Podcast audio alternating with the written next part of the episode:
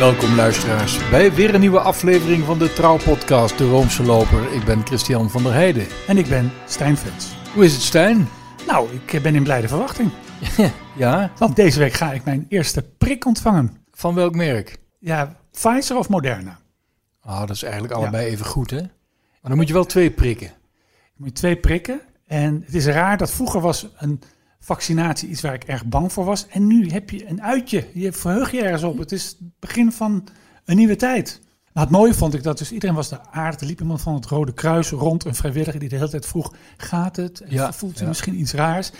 En eh, die zei ook de hele tijd tegen de mensen die weer weg mochten: u moet wel goed tegen de balk van de deur duwen, de rode balk, anders gaat hij niet open. Dat zei ze ook tegen ons. Dus toen wij de prikhemel mochten verlaten, zei ze dat ook. En toen, weet je wat ik toen had? Ik had wel even willen blijven. Het was daar zo fijn, Ja, vredig, ja. vredig, niks. ja. geen boze buitenwereld. Het is ook eh, mooi dat, eh, dat er in sommige kerken gevaccineerd wordt hè? Ja. ja. Over de kerk gesproken. Over de kerk gesproken. Ja, een bruggetje van de vaccinatiekathedraal naar Ja, het kerkgebouw. Het is namelijk zo, er is natuurlijk altijd nieuws, maar dit vond ik er toch wel uitspringen, dat eh, het bisdom Hongkong heeft een nieuwe bisschop. U vraagt zich luisteraar af, nou en? Hè, er zijn zoveel bisdommen in de wereld, waarom is dat nu juist interessant? Wel nu, Hongkong is een tijdje vakant geweest, omdat er een, eh, een bisschop in één keer overleden was. En daarvoor zat er een, eh, een bisschop die is nog nota bene kardinaal gemaakt. Dat was de opvolger van een, van een Salesiaan. Die leeft nog steeds. Die laat zeer vaak van zich horen. Kardinaal Zen. Ja, die is het helemaal niet eens met de China-politiek van het Vaticaan. De huidige China-politiek. nee, Nee. Die, die, die zegt zelfs dat eh, de kardinaal staatssecretaris Parolin eigenlijk de paus heeft betoverd. En dan bedoelt hij dat hij dat huidige China-politiek van het Vaticaan te pro-China is. Te vriendelijk eigenlijk. Ja, er is gekozen voor de weg van dialoog en niet voor protest of eh, voor de illegaliteit. De nieuwe bisschop is een Jezuïet. Nou, dat is toch wel opmerkelijk, want wie wil er nu vooral in deze tijden waarin de democratie zwaar onder druk staat, dat het vasteland, zoals het daar wordt genoemd, de Volksrepubliek Peking, eh, ja, de teugels eh, nogal eh, aanhaalt daar en repressief bezig is. Wie wil daar dan bisschop zijn? Natuurlijk helemaal niemand. Dus hebben ze een jezuïet gevraagd. Wil jij dat niet doen? In december kreeg je dat te horen. Toen zei deze Stephen Chow Sauyan, pater jezuïet, die zei nee, nee, dat wil ik niet doen. Maar dat gebeurt niet zo vaak. Dat iemand nee zegt, vraagt wat bisschop te worden. Eh Jezuïeten moeten weigeren. Hè? Die moeten weigeren. Want er staat ook in de, in de constituties van, eh, van, de, van de Sociëteit van Jezus. Ja, als zodra een Jezuïet bisschop wordt, dan heb je er eigenlijk niks meer aan. Als Jezuïet, want die worden dan ontslagen van hun gelofte van gehoorzaamheid en van de armoede. En we weten, hè, de Jezuïeten houden enorm van armoede. Hè? Nou zeg, Geen cent te makken. al die verlopen lappen aan hun lichaam. Ehm, toen heeft de paus, en dat weten wij, doordat de bisschop-elect dat heeft onthuld tijdens een persconferentie vlak na de benoeming, die heeft toen een handgeschreven briefje gestuurd. eh Stephen Chow, mooie naam Chow. Dat spel je in de, in de, in de Engelse, eh, hoe zeg je dat, de transcriptie C-H-O-W. Ja. Wij hadden vroeger een Chow Chow, daardoor kan ik het onthouden. Hadden jullie een ciao ciao? We hadden een Chow Chow, dat is zo- zo- zo'n hond met een blauwe tong. Oh, Ja, eh, goed. ehm, en, en toen zei hij, nou, ik wil toch eigenlijk wel dat je dit wel doet. Deze man is hoog ingezworen bij de Jezuïeten. Dat wil zeggen dat hij de vierde gelofte heeft gedaan. En de vierde gelofte houdt in de bijzondere, eh, bijzondere gehoorzaamheid aan de heilige stoel. Aan de paus. Met andere woorden, als de paus zegt je gaat, dan ga je. En hij heeft dus gezegd ja. En deze man die mag dus eh, deze bijzondere moeilijke positie oplossen. Met enerzijds kardinaal Zen, die nog steeds hecht in zijn nek. Van kom op hè, verzet je tegen Peking. En aan de andere kant natuurlijk, ja, de mensen die bang zijn dat als er te veel verzet komt, dat de repressie nog harder wordt. Dus het moet een man zijn die bruggen bouwt. Nou moet een bisschop dat natuurlijk altijd zijn. Maar dit is vooral heel erg delicaat, want je wilt Peking natuurlijk niet te veel de haren, eh, tegen de haren instrijken. Maar van de andere kant wil je je ja, je democratische principes ook niet overboord zetten. En hij is democraat natuurlijk. Hij is in, eh, in Amerika opgeleid. Moet je nagaan, hij is in Dublin. Deze Chow. Is, een, is trouwens een echte Hongkongees. Hij is daar ook geboren in Hongkong. Hij is 61 jaar. En hij is ingetreden. eh, toen had hij al een eh, Bachelor of Arts ergens verdiend. in Dublin. En hij is in Amerika, heeft hij nog wat, wat, meer studies gedaan. Uiteindelijk is hij gepromoveerd in de onderwijswetenschappen. Education Doctor heet dat. Dat zijn die Angelsaksische graden, die kennen we allemaal niet in Nederland. We kennen alleen maar eh, PhD, Ja. Philosophy Doctor. Dus hij is heel westers opgeleid. En hij heeft ook wel eh, ja, de hete adem van Peking in zijn nek gevoeld toen hij verantwoordelijk was voor een aantal eh, onderwijsinstellingen op het vasteland. En Want hoe zit dat? Hè? Die katholieke kerk in, eh, China. in China, je hebt er twee. Je hebt dus de, de, natuurlijk de Ro- Rooms-Katholieke kerk, die vallen onder Rome. En die Chinezen hebben na de overname van Ma- door Mao, hebben ze ook een eigen katholieke kerk opgericht. De patriotische. ja, nou, en, Katholieke en het huidige beleid is, Ja? eh, eh, dus het officiële beleid van Paus Franciscus, en volgens kardinaal Zen, emeritus bisschop van Hongkong, zit daar Paroline achter, is nu dat, er, eh, dat die twee bij elkaar moeten komen. Dus er, moet, er is maar één katholieke kerk.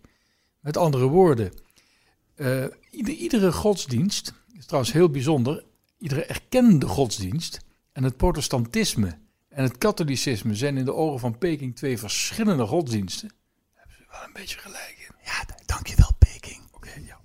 Maar goed, ehm, die eh, godsdiensten die zijn georganiseerd in zogeheten patriotische verenigingen. En je hebt natuurlijk bijvoorbeeld de, de katholieke patriotische vereniging. Die gaan over de bisschopsbenoemingen. En die worden zwaar eh, gemonitord door de communistische partij. En eh, de, degenen die worden voorgedragen, die worden eigenlijk al benoemd. En volgens dat verdrag tussen de Heilige Stoel en Peking eh, zal de, Heilige Stoel dan zijn zegen daarover geven. En vroeger was dat anders. En dan kreeg je die zegen niet en dan werd iemand toch gewijd en dan werd je automatisch gecommuniceerd. Nou, van die, van die eh, oneenigheid, die, tra trammeland, daar wil het Vaticaan vanaf. En de paus heeft als argument, ja, in het verleden heeft de katholieke kerk wel ergere dingen gedaan. Hè, dat, wij, wij, wij, wij, wij, doen daar, wij doen concessies aan dit bewind. Maar uiteindelijk zal, zullen de katholieken ervan profiteren. Daar is iets voor te zeggen natuurlijk. Hè?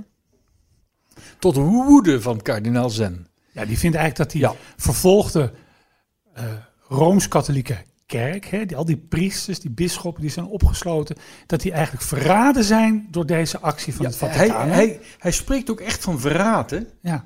Dus dat is een felbe, felle baas.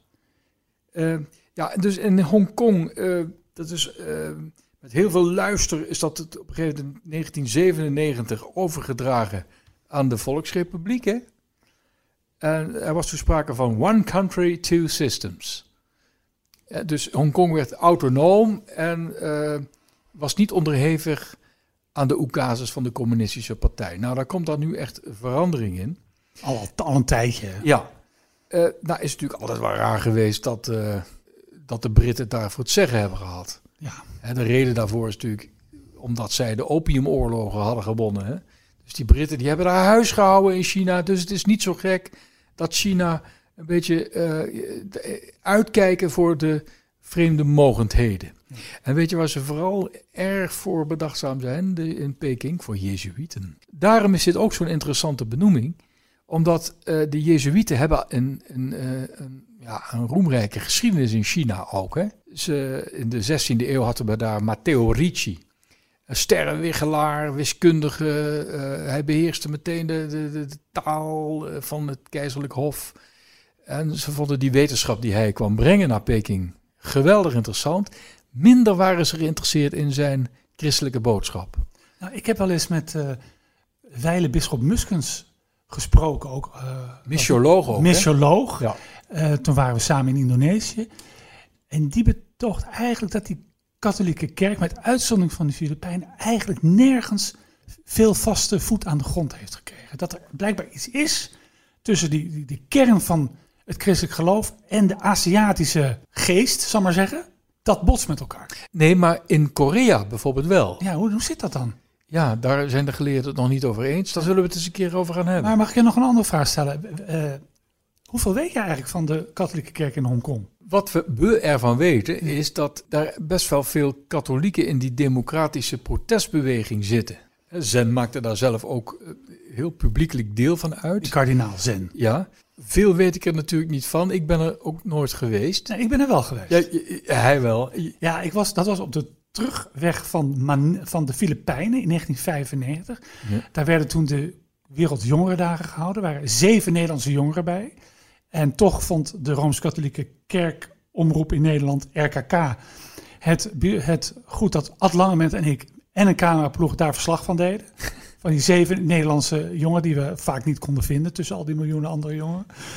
En op de terugweg maakte hij een tussenlanding in Hongkong. En ik weet dat Langebent, die viel dus na het opstijgen in Manila meteen in slaap. Ik dacht, ik, ik, kon ik kan nooit slapen in. Gelukkig maar, want ik heb de landing meegemaakt in Hongkong. Daar vloog je toen letterlijk tussen de wolkenkrabbers door. Je kon bij wijze van spreken zien eh, welk televisieprogramma zij op dat moment aan het kijken waren, de bewoners. Die landing was spectaculair. Ik geloof dat we daar een overstaptijd hadden van vier uur. Dus net te kort tijd voor mij om de Rooms-Katholieke Kerk daar te onderzoeken. Maar ik ben er geweest. Maar dus de, even, even eh, luisteraars, even alle gekheid op een stokje. Je hebt dus kans, of dat zal al het geval zijn, dat die Rooms-Katholieke Kerk in Hongkong ook ja, op aan alle kanten verwrongen wordt door het vasteland, de democratische beweging, het Vaticaan, China. Dus dat lijkt me een hels karwei voor deze nieuwe bisschop van Hongkong. Ja, nou daar heb je natuurlijk wel een jezuïet voor nodig, zou je zeggen. Die de gave heeft van onderscheiding. Ja. Hè, dus, dus ik denk ook dat de paus heeft gezegd, daar moeten we iemand naartoe eh, eh, brengen of, of op de troon zetten daar die die gave heeft. Maar het is de, de, de, hè, de geest van onderscheiding, het vermogen van onderscheiding. Ja, dan vraag ik me af. Hij heeft eerst aan deze, eh, heeft de paus goed nagedacht. Want ik denk dat dit een benoeming is waar hij bij betrokken is geweest, toch wel. Zou Nou, net- dat heb ik net gezegd. ja, de- nee, nee, maar de, dat paus heeft hem... in eerste instantie. Hè? Oh, in eerste instantie. Ja, ja, ja. Dat denk ja. ik toch wel. Ja, En je kunt ook zeggen, nou, ik, heb, ik ben tot de onderscheid, tot, in, in, in dat hele proces tot de conclusie gekomen dat deze man moet worden. Hij zegt nee, misschien is dat een teken om het niet te doen in het kader van de onderscheiding. Hij doet het toch, hij schrijft, hij, Ja, nog, hij, maar de hij paus- stuurt een, een, eh, handgeschreven brief. ja, maar de paus weet ook dat iedere jezuïet in eerste instantie moet weigeren. Ja. Ja.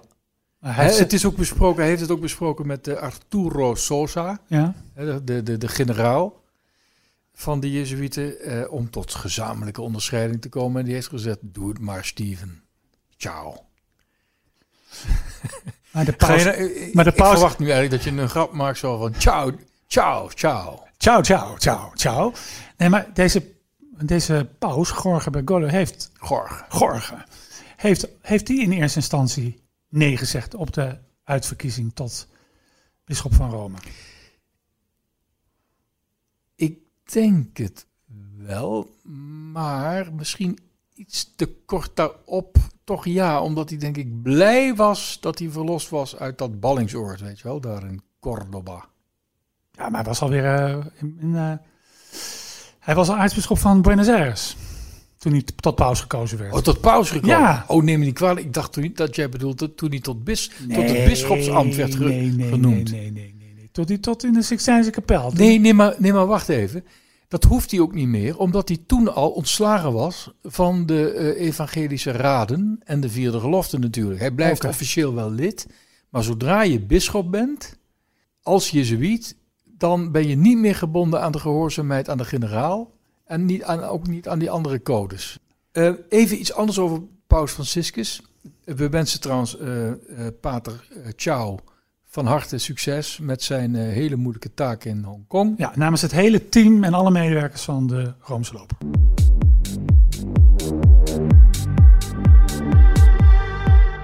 Ja, de paus heeft het eigen personeel weer een beetje, ja, een beetje, hoe zal ik dat zeggen? Een beetje, een beetje eh, verlangs gegeven Ja. lijkt het wel, hè?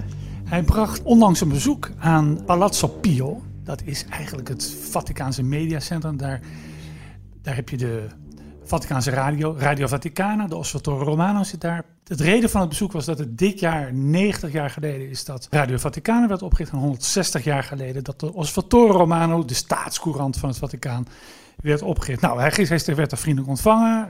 eh, in, een uitzending, geloof ik. Ik zag hem tenminste achter een microfoon zitten. Ja. En toen ging een beetje... En, en, en eh, het hele gebouw is daar gerenoveerd van binnen. Hè? Ja. Opnieuw ingedeeld. Want er is een hele natuurlijk een fusie geweest. Alles is eigenlijk gericht op dat Vatican nieuws. Hè? Het bestaat uit meerdere talen, meerdere afdelingen. Allemaal een beetje vereenvoudigd. Ja, ik, ben- ik ben dat ook natuurlijk eh, een paar keer geweest, ook met, Ja. eh, voor de serie Kijk het Vaticaan. En toen was het wel echt nog oude meuk, zal ik maar zeggen. Ja, en, en al die verschillende koninkrijkjes. Ja, en dan zag je Ethiopisch en dan, zag je, en dan hoorde je iemand in het Ethiopisch iets zeggen waarvan ik niks eh, begreep. Het, eh, het was een beetje oude meuk, ook qua apparatuur. Nou, dat is allemaal samengevoegd. De paus is op bezoek gegaan, heeft natuurlijk eh, zijn lof uitgesproken over de renovatie, neem ik aan. maar hij heeft ook gezegd, en daar, daar staat er dan in de media, wordt dan in de media over, in de media over vermeld. Franciscus verbijstert Vaticaanse journalisten door zich hardop af te vragen of er überhaupt iemand naar ze luistert en ze leest. Nou, moet je je voorstellen, via je verjaardag komt de grote baas langs en die vraagt zich dat af. Ik denk dat hij een beetje gelijk heeft. De vraag is natuurlijk, dat is een, dit is geen commerciële zender. En eh, doelgroepen, er is maar één doelgroep eigenlijk, de hele wereld en in het bijzonder de katholieken. Ja, er is volgens mij ook nooit wordt zelden marktonderzoek gedaan. Het maakt er niet zoveel uit of er iemand luistert. Dat is een beetje onaardig gezegd, maar al die talen werden gewoon uitgezonden. Er werd naar geluisterd, maar hoeveel? Niemand die het wist. En wat zegt de paus dan? Het is onze taak om de mensen te bereiken. Hij zei tijdens een live-uitzending. Stel jezelf elke dag de vraag: hoeveel mensen bereiken we? Hoeveel mensen krijgen de boodschap van Jezus via L'Osservatore Romano door? Ik kan me voorstellen dat als je daar je hart en ziel aan geeft, dat dit toch een beetje, een beetje gaat het- wringen. Ja, en het is weer typisch Bergoglio, hè, dat moraliserende. Eh, de pater die heeft weer wat, eh, wat, wat, wat te mekkeren van hoeveel mensen bereiken Jezus. Je hebt het wel over de pauze. hè? Ja, dat weet ik wel, maar, maar kom op zeg. eh, en wat doe jij dan? Hè? Ben jij dan zo origineel? Eh, en, en hoe komt het dat zoveel mensen dan wel naar jou luisteren? Dat is zo diezelfde medewerkers die jouw boodschap verspreiden. Hè? Met, met, met, met, je, met je accounts op, op eh, Twitter en zo. Dat, Hij dat heeft doen een- zij. Hij heeft Ja. er een beetje een handje van om als er ergens een feest gevierd wordt, even de stemming even Ja. naar beneden te halen. Spoil the party. Zo was hij ook onlangs bij de verzamelde Italiaanse bisschoppen. En die waren bijeengekomen in een of ander hotel in Rome. Hij, kwam, hij, hij was binnenkomen en had zich gevraagd, zo'n duur, had hardop afgevraagd, zo'n duur hotel. Wat is, hier, wat, wat is hier voor evenement? Misschien de keuze voor de mooiste bisschop van Italië. Ja. Dan, dan zet hij ze toch ook weer even in een hoek. Ja. Ik hou er wel van hoor. Ik ook. Ik, ik, ik hou er wel van, maar je zult maar die hardwerkende ja, journalisten, wil ik ze eigenlijk niet Ja. noemen, maar me- media-medewerkers zijn. En dan zeggen, ja, wie luistert er eigenlijk naar jullie? Nou, dan wil ik nog één verhaal vertellen. ja. Ik heb ook, eh, misschien heb ik dat trouwens wel eens verteld, van Sean Patrick Lovett. Die Oh ooit ja, ja, ja. Die ooit heeft volgens mij in een, in een, in een vluchtelingenkamp in, in Kenia of in, en daar zaten Soedanezen. Of misschien was het wel in Soudaan. En die zei, die mensen zeiden, we willen u bedanken. We willen u bedanken, want wij, wij, wij, wij zitten elke ochtend om een transistorradio heen. Was toen nog korte golf, is geloof ik ook afgeschaft. En dan luisteren we naar de paus en dan weten wij dat de paus aan ons denkt. Dus, lieve paus, er luisteren mensen naar Radio Vaticana. Nog altijd. ja. En die heerlijke, die heerlijke Latijnse mis om half acht 's ochtends. De klokken komen uit de, uit, uit, uit de speaker, hè, die, wordt, dus- die hebben ze opgenomen. En dan, ja, dan begint de mis in het Latijn en met, met lezing in vele talen. En nog maar steeds maar ik vind het toch een interessante gegeven dat de paus gewoon eh, dadelijk mensen gaat afrekenen op luistercijfers, kijkcijfers en bezoekersaantallen van zijn website. Ja, en dan zijn ze hier in Nederland boos dat eh, blauw bloed moet stoppen, dat eh, opgelicht moet stoppen. De paus doet precies hetzelfde. Dus geeft, geeft Frans Klein, de grote baas van de NPO, het voorbeeld. Wij rekenen nu af op luistercijfers, kijkcijfers. We moeten de jongeren bereiken. Dat geldt ook voor de paus.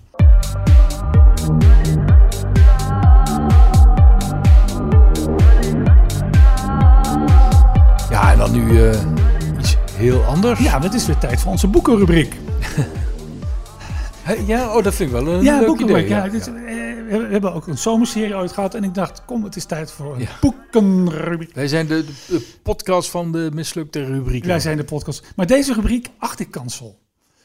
Ik eh, wil het graag hebben met u vandaag over een boek. Ehm, niet het boek Op de boerderij van Miep Dekker, wat u misschien kent met mooie grote letters. En staat er paard en dan heb je P-A-A-R-D. Nee, handig.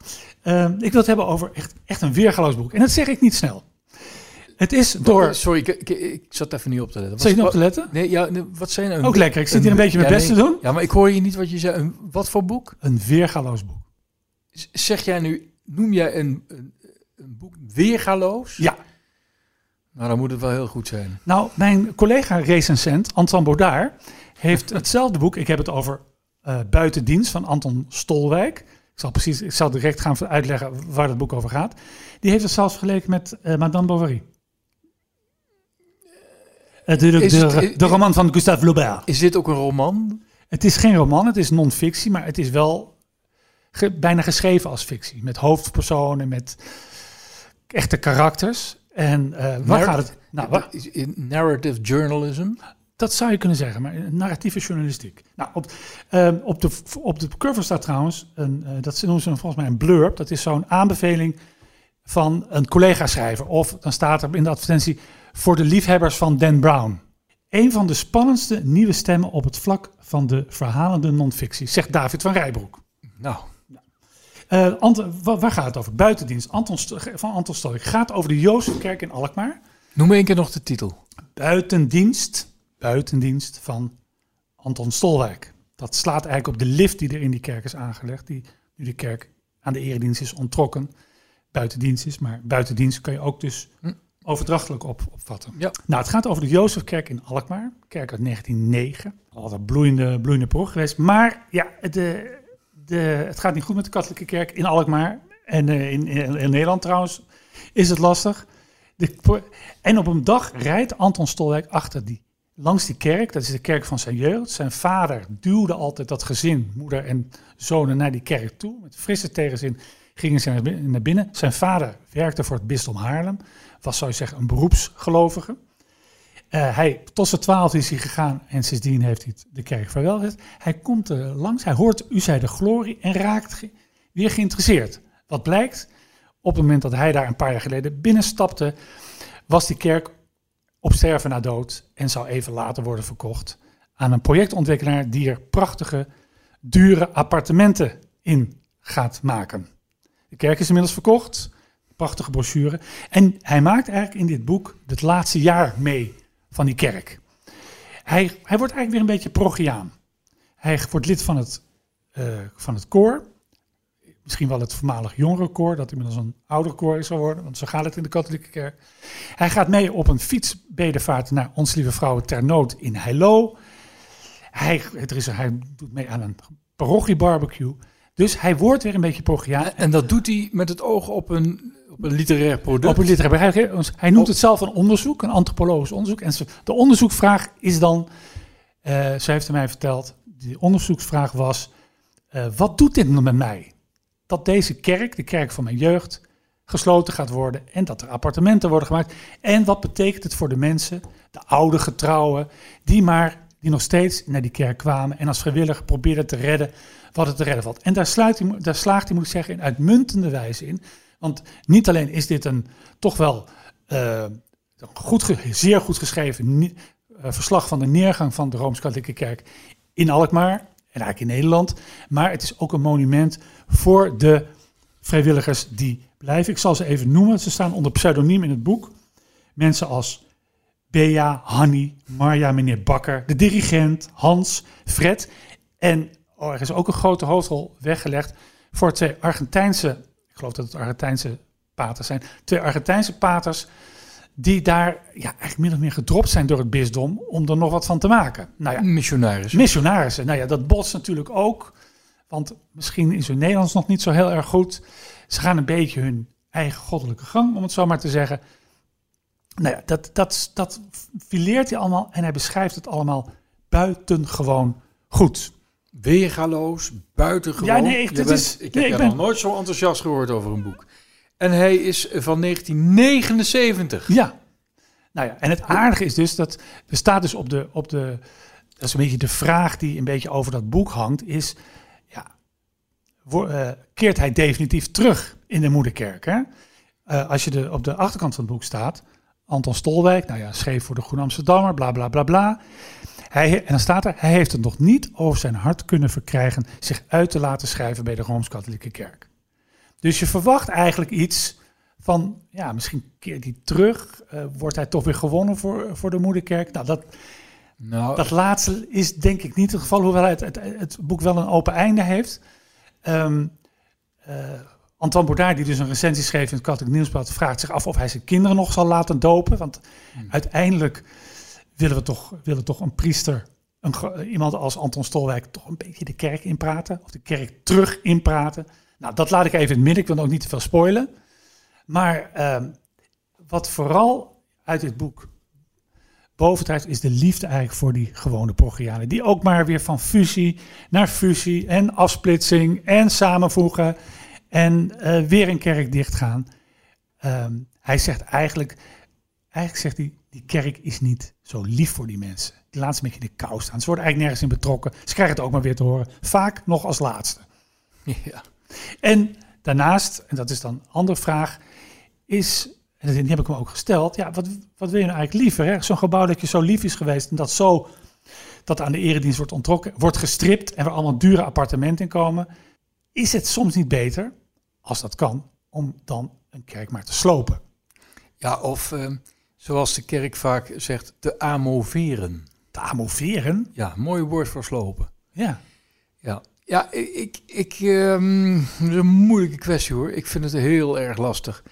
Ik vind het lastig om een monumentaal gebouw om dat te slopen. Dat, ben ik niet voor. Maar waar ik wel op tegen ben, is dat je eh, het interieur van een kerk intact laat. Hè, dus het altaar, de biechtstoel, noem maar, maar op. En dat je daarmee gaat spelen. Dat je dan eh, bijvoorbeeld een, een bar maakt eh, aan het hoogaltaar. En dan, en dan een, een, een foute grap maakt over eh, in de hemel is geen bier. En daar, weet je wel zo. Dus dat, dat, het lijkt me wel dat als er een herbestemming gevonden moet worden, dat het dan in ieder geval niet het geloof belachelijk moet maken. Dus ik zou er ook geen satanscentrum in, in, in, in maken. Ik ben trouwens er niet op tegen, en sommigen vergeven mij dat niet, om van een kerk die aan de eredienst wordt onttrokken, als, een, als er een waardige herbestemming gevonden moet worden, omdat er dan maar gewoon, als daar behoefte aan is, een moskee van te maken. Ja, daar, daar, daar zullen veel mensen het niet met ik heb liever dat daar, eh, eens dat daar de. God van, eh, van, van, van, van Abraham wordt aanbeden, dan dat daar whisky wordt geschonken. Met, met onze lieve Heer als een, als een soort Donald Duck decorfiguur. Nou, aan de Rozengracht in Amsterdam bevindt zich een, volgens mij een voormalige Franciscanenkerk. Dat is een moskee geworden. Ben ik Ja. al geweest. Ja, Ja, ik nou, vind het toch een beetje... Ja, ja. Ben ik, ja. Maar dat, het- het- Maar goed, eh, slopen vind ik, Kijk, voor mij mogen er heel veel kerken die gebouwd zijn na 1950 sowieso gesloopt worden. Ik zou. Ja, appartementen vind ik niet zo erg. Maar wanneer je te veel. eh, als een soort. Ja, hoe moet je dat nou zeggen? Als je, als je te, te veel. eh, de, religiositeit gaat gebruiken als, als een grapje. Ja, dat vind ik wel pijnlijk. ja, er is, eh, ik heb gehoord eh, van een kerk Ik, in Brabant. Ik, ik kan me niet goed uitdrukken, omdat ik het echt heel moeilijk vind. Ik, ja, ik, niet. merk het. Ik merk Ja, het. ja. Ja. Ik kan me herinneren, een kerk in Brabant, die werd omge... Of tenminste, er waren plannen voor. Ik weet niet of, het, of die plannen zijn doorgezet tot een escape room. ja, Je hebt in Hilversum de Clemenskerk. Daar is een, dat is een trampolinehal geworden. ja. Dus vroeger wilden we naar de hemel en nu willen we zo hoog mogelijk. ja, maar dat was in mijn jeugd al. Had je dus had je de speelkerk. Ja. Dat, was, dat vonden wij ontzettend leuk. Daar had je dus waar vroeger de, eh, de portret van, van Jezus hing Ja. aan, het, aan, het, aan de façade van de kerk was toen. En dan hebben we het over de jaren zeventig. Goofy te zien. Ja, dat vind ik vreselijk. Ja. Ja. En, en je hebt bijvoorbeeld eh, de, de, de kerk waar mijn vader in is opgegroeid, in de Chassé-straat. Ja, daar heb het al over. Ja. Ja. dat is nu cha- eh, dans, danscentrum, danscenter. Chassé, daar Ja. zit een dansschool in. Ja. Kijk, dat is allemaal niet zo erg Alleen als, als men dan het altaar laat staan Ja. en men doet iets alluderend op die voormalige functie, dan heb ik daar wel moeite mee. Ja. Ja. Ja. Nou, het, het- misschien moeten we dan dit concluderen dat we dat soort dingen moeten toestaan. Maar dan, mocht het katholiek geloof in Nederland weer de wind in de zeilen krijgen, dat wij niet zullen aarzelen om een dansscho dansscholen om te gaan vormen tot kerk. Nou, het, het- het- tot, tot besluit. Ik vind dat we er toch even aandacht aan moeten besteden.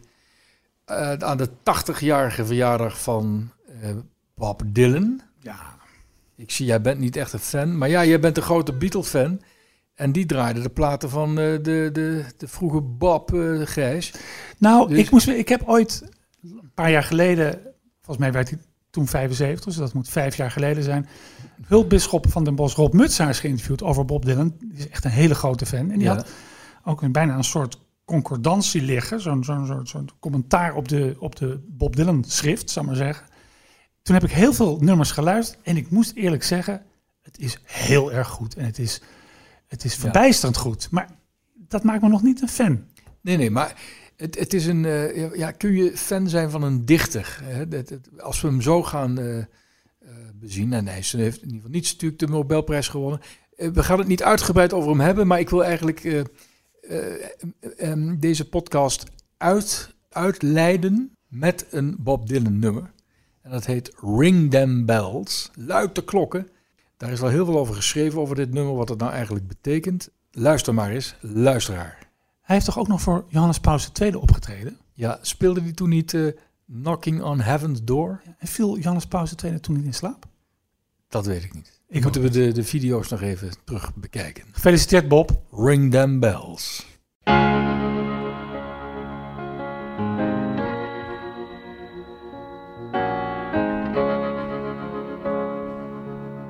Ring them bells, ye heathen from the city that dreams. Them bells from the sanctuaries cross the valleys and streams. For the deep and the wide, and the world's on its side. And time is running backwards, and so is the bride.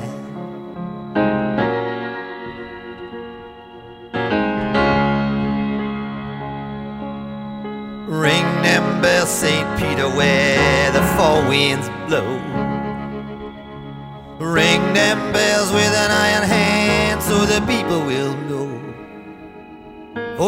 Rush hour now on the wheel and the plow. And the sun is a going down upon the sacred cow.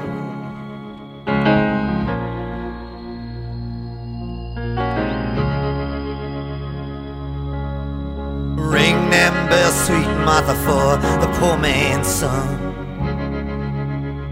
Ring them bells so the world will know that God is one. Oh, the shepherd is asleep where the willows weep, and the mountains are filled with lost sheep. Ring them bells for the blind and the deaf. Ring them bells for all of us who are left. Ring them bells for the chosen few who will judge the many when the game is through. Ring them bells for the time that flies, for the child that cries when her innocence dies. Ring them bells, St. Catherine, from the top of the room. Ring them from the fortress for the lilies that bloom. For the lines are long and the fighting is strong. And they're breaking down the distance between right and wrong.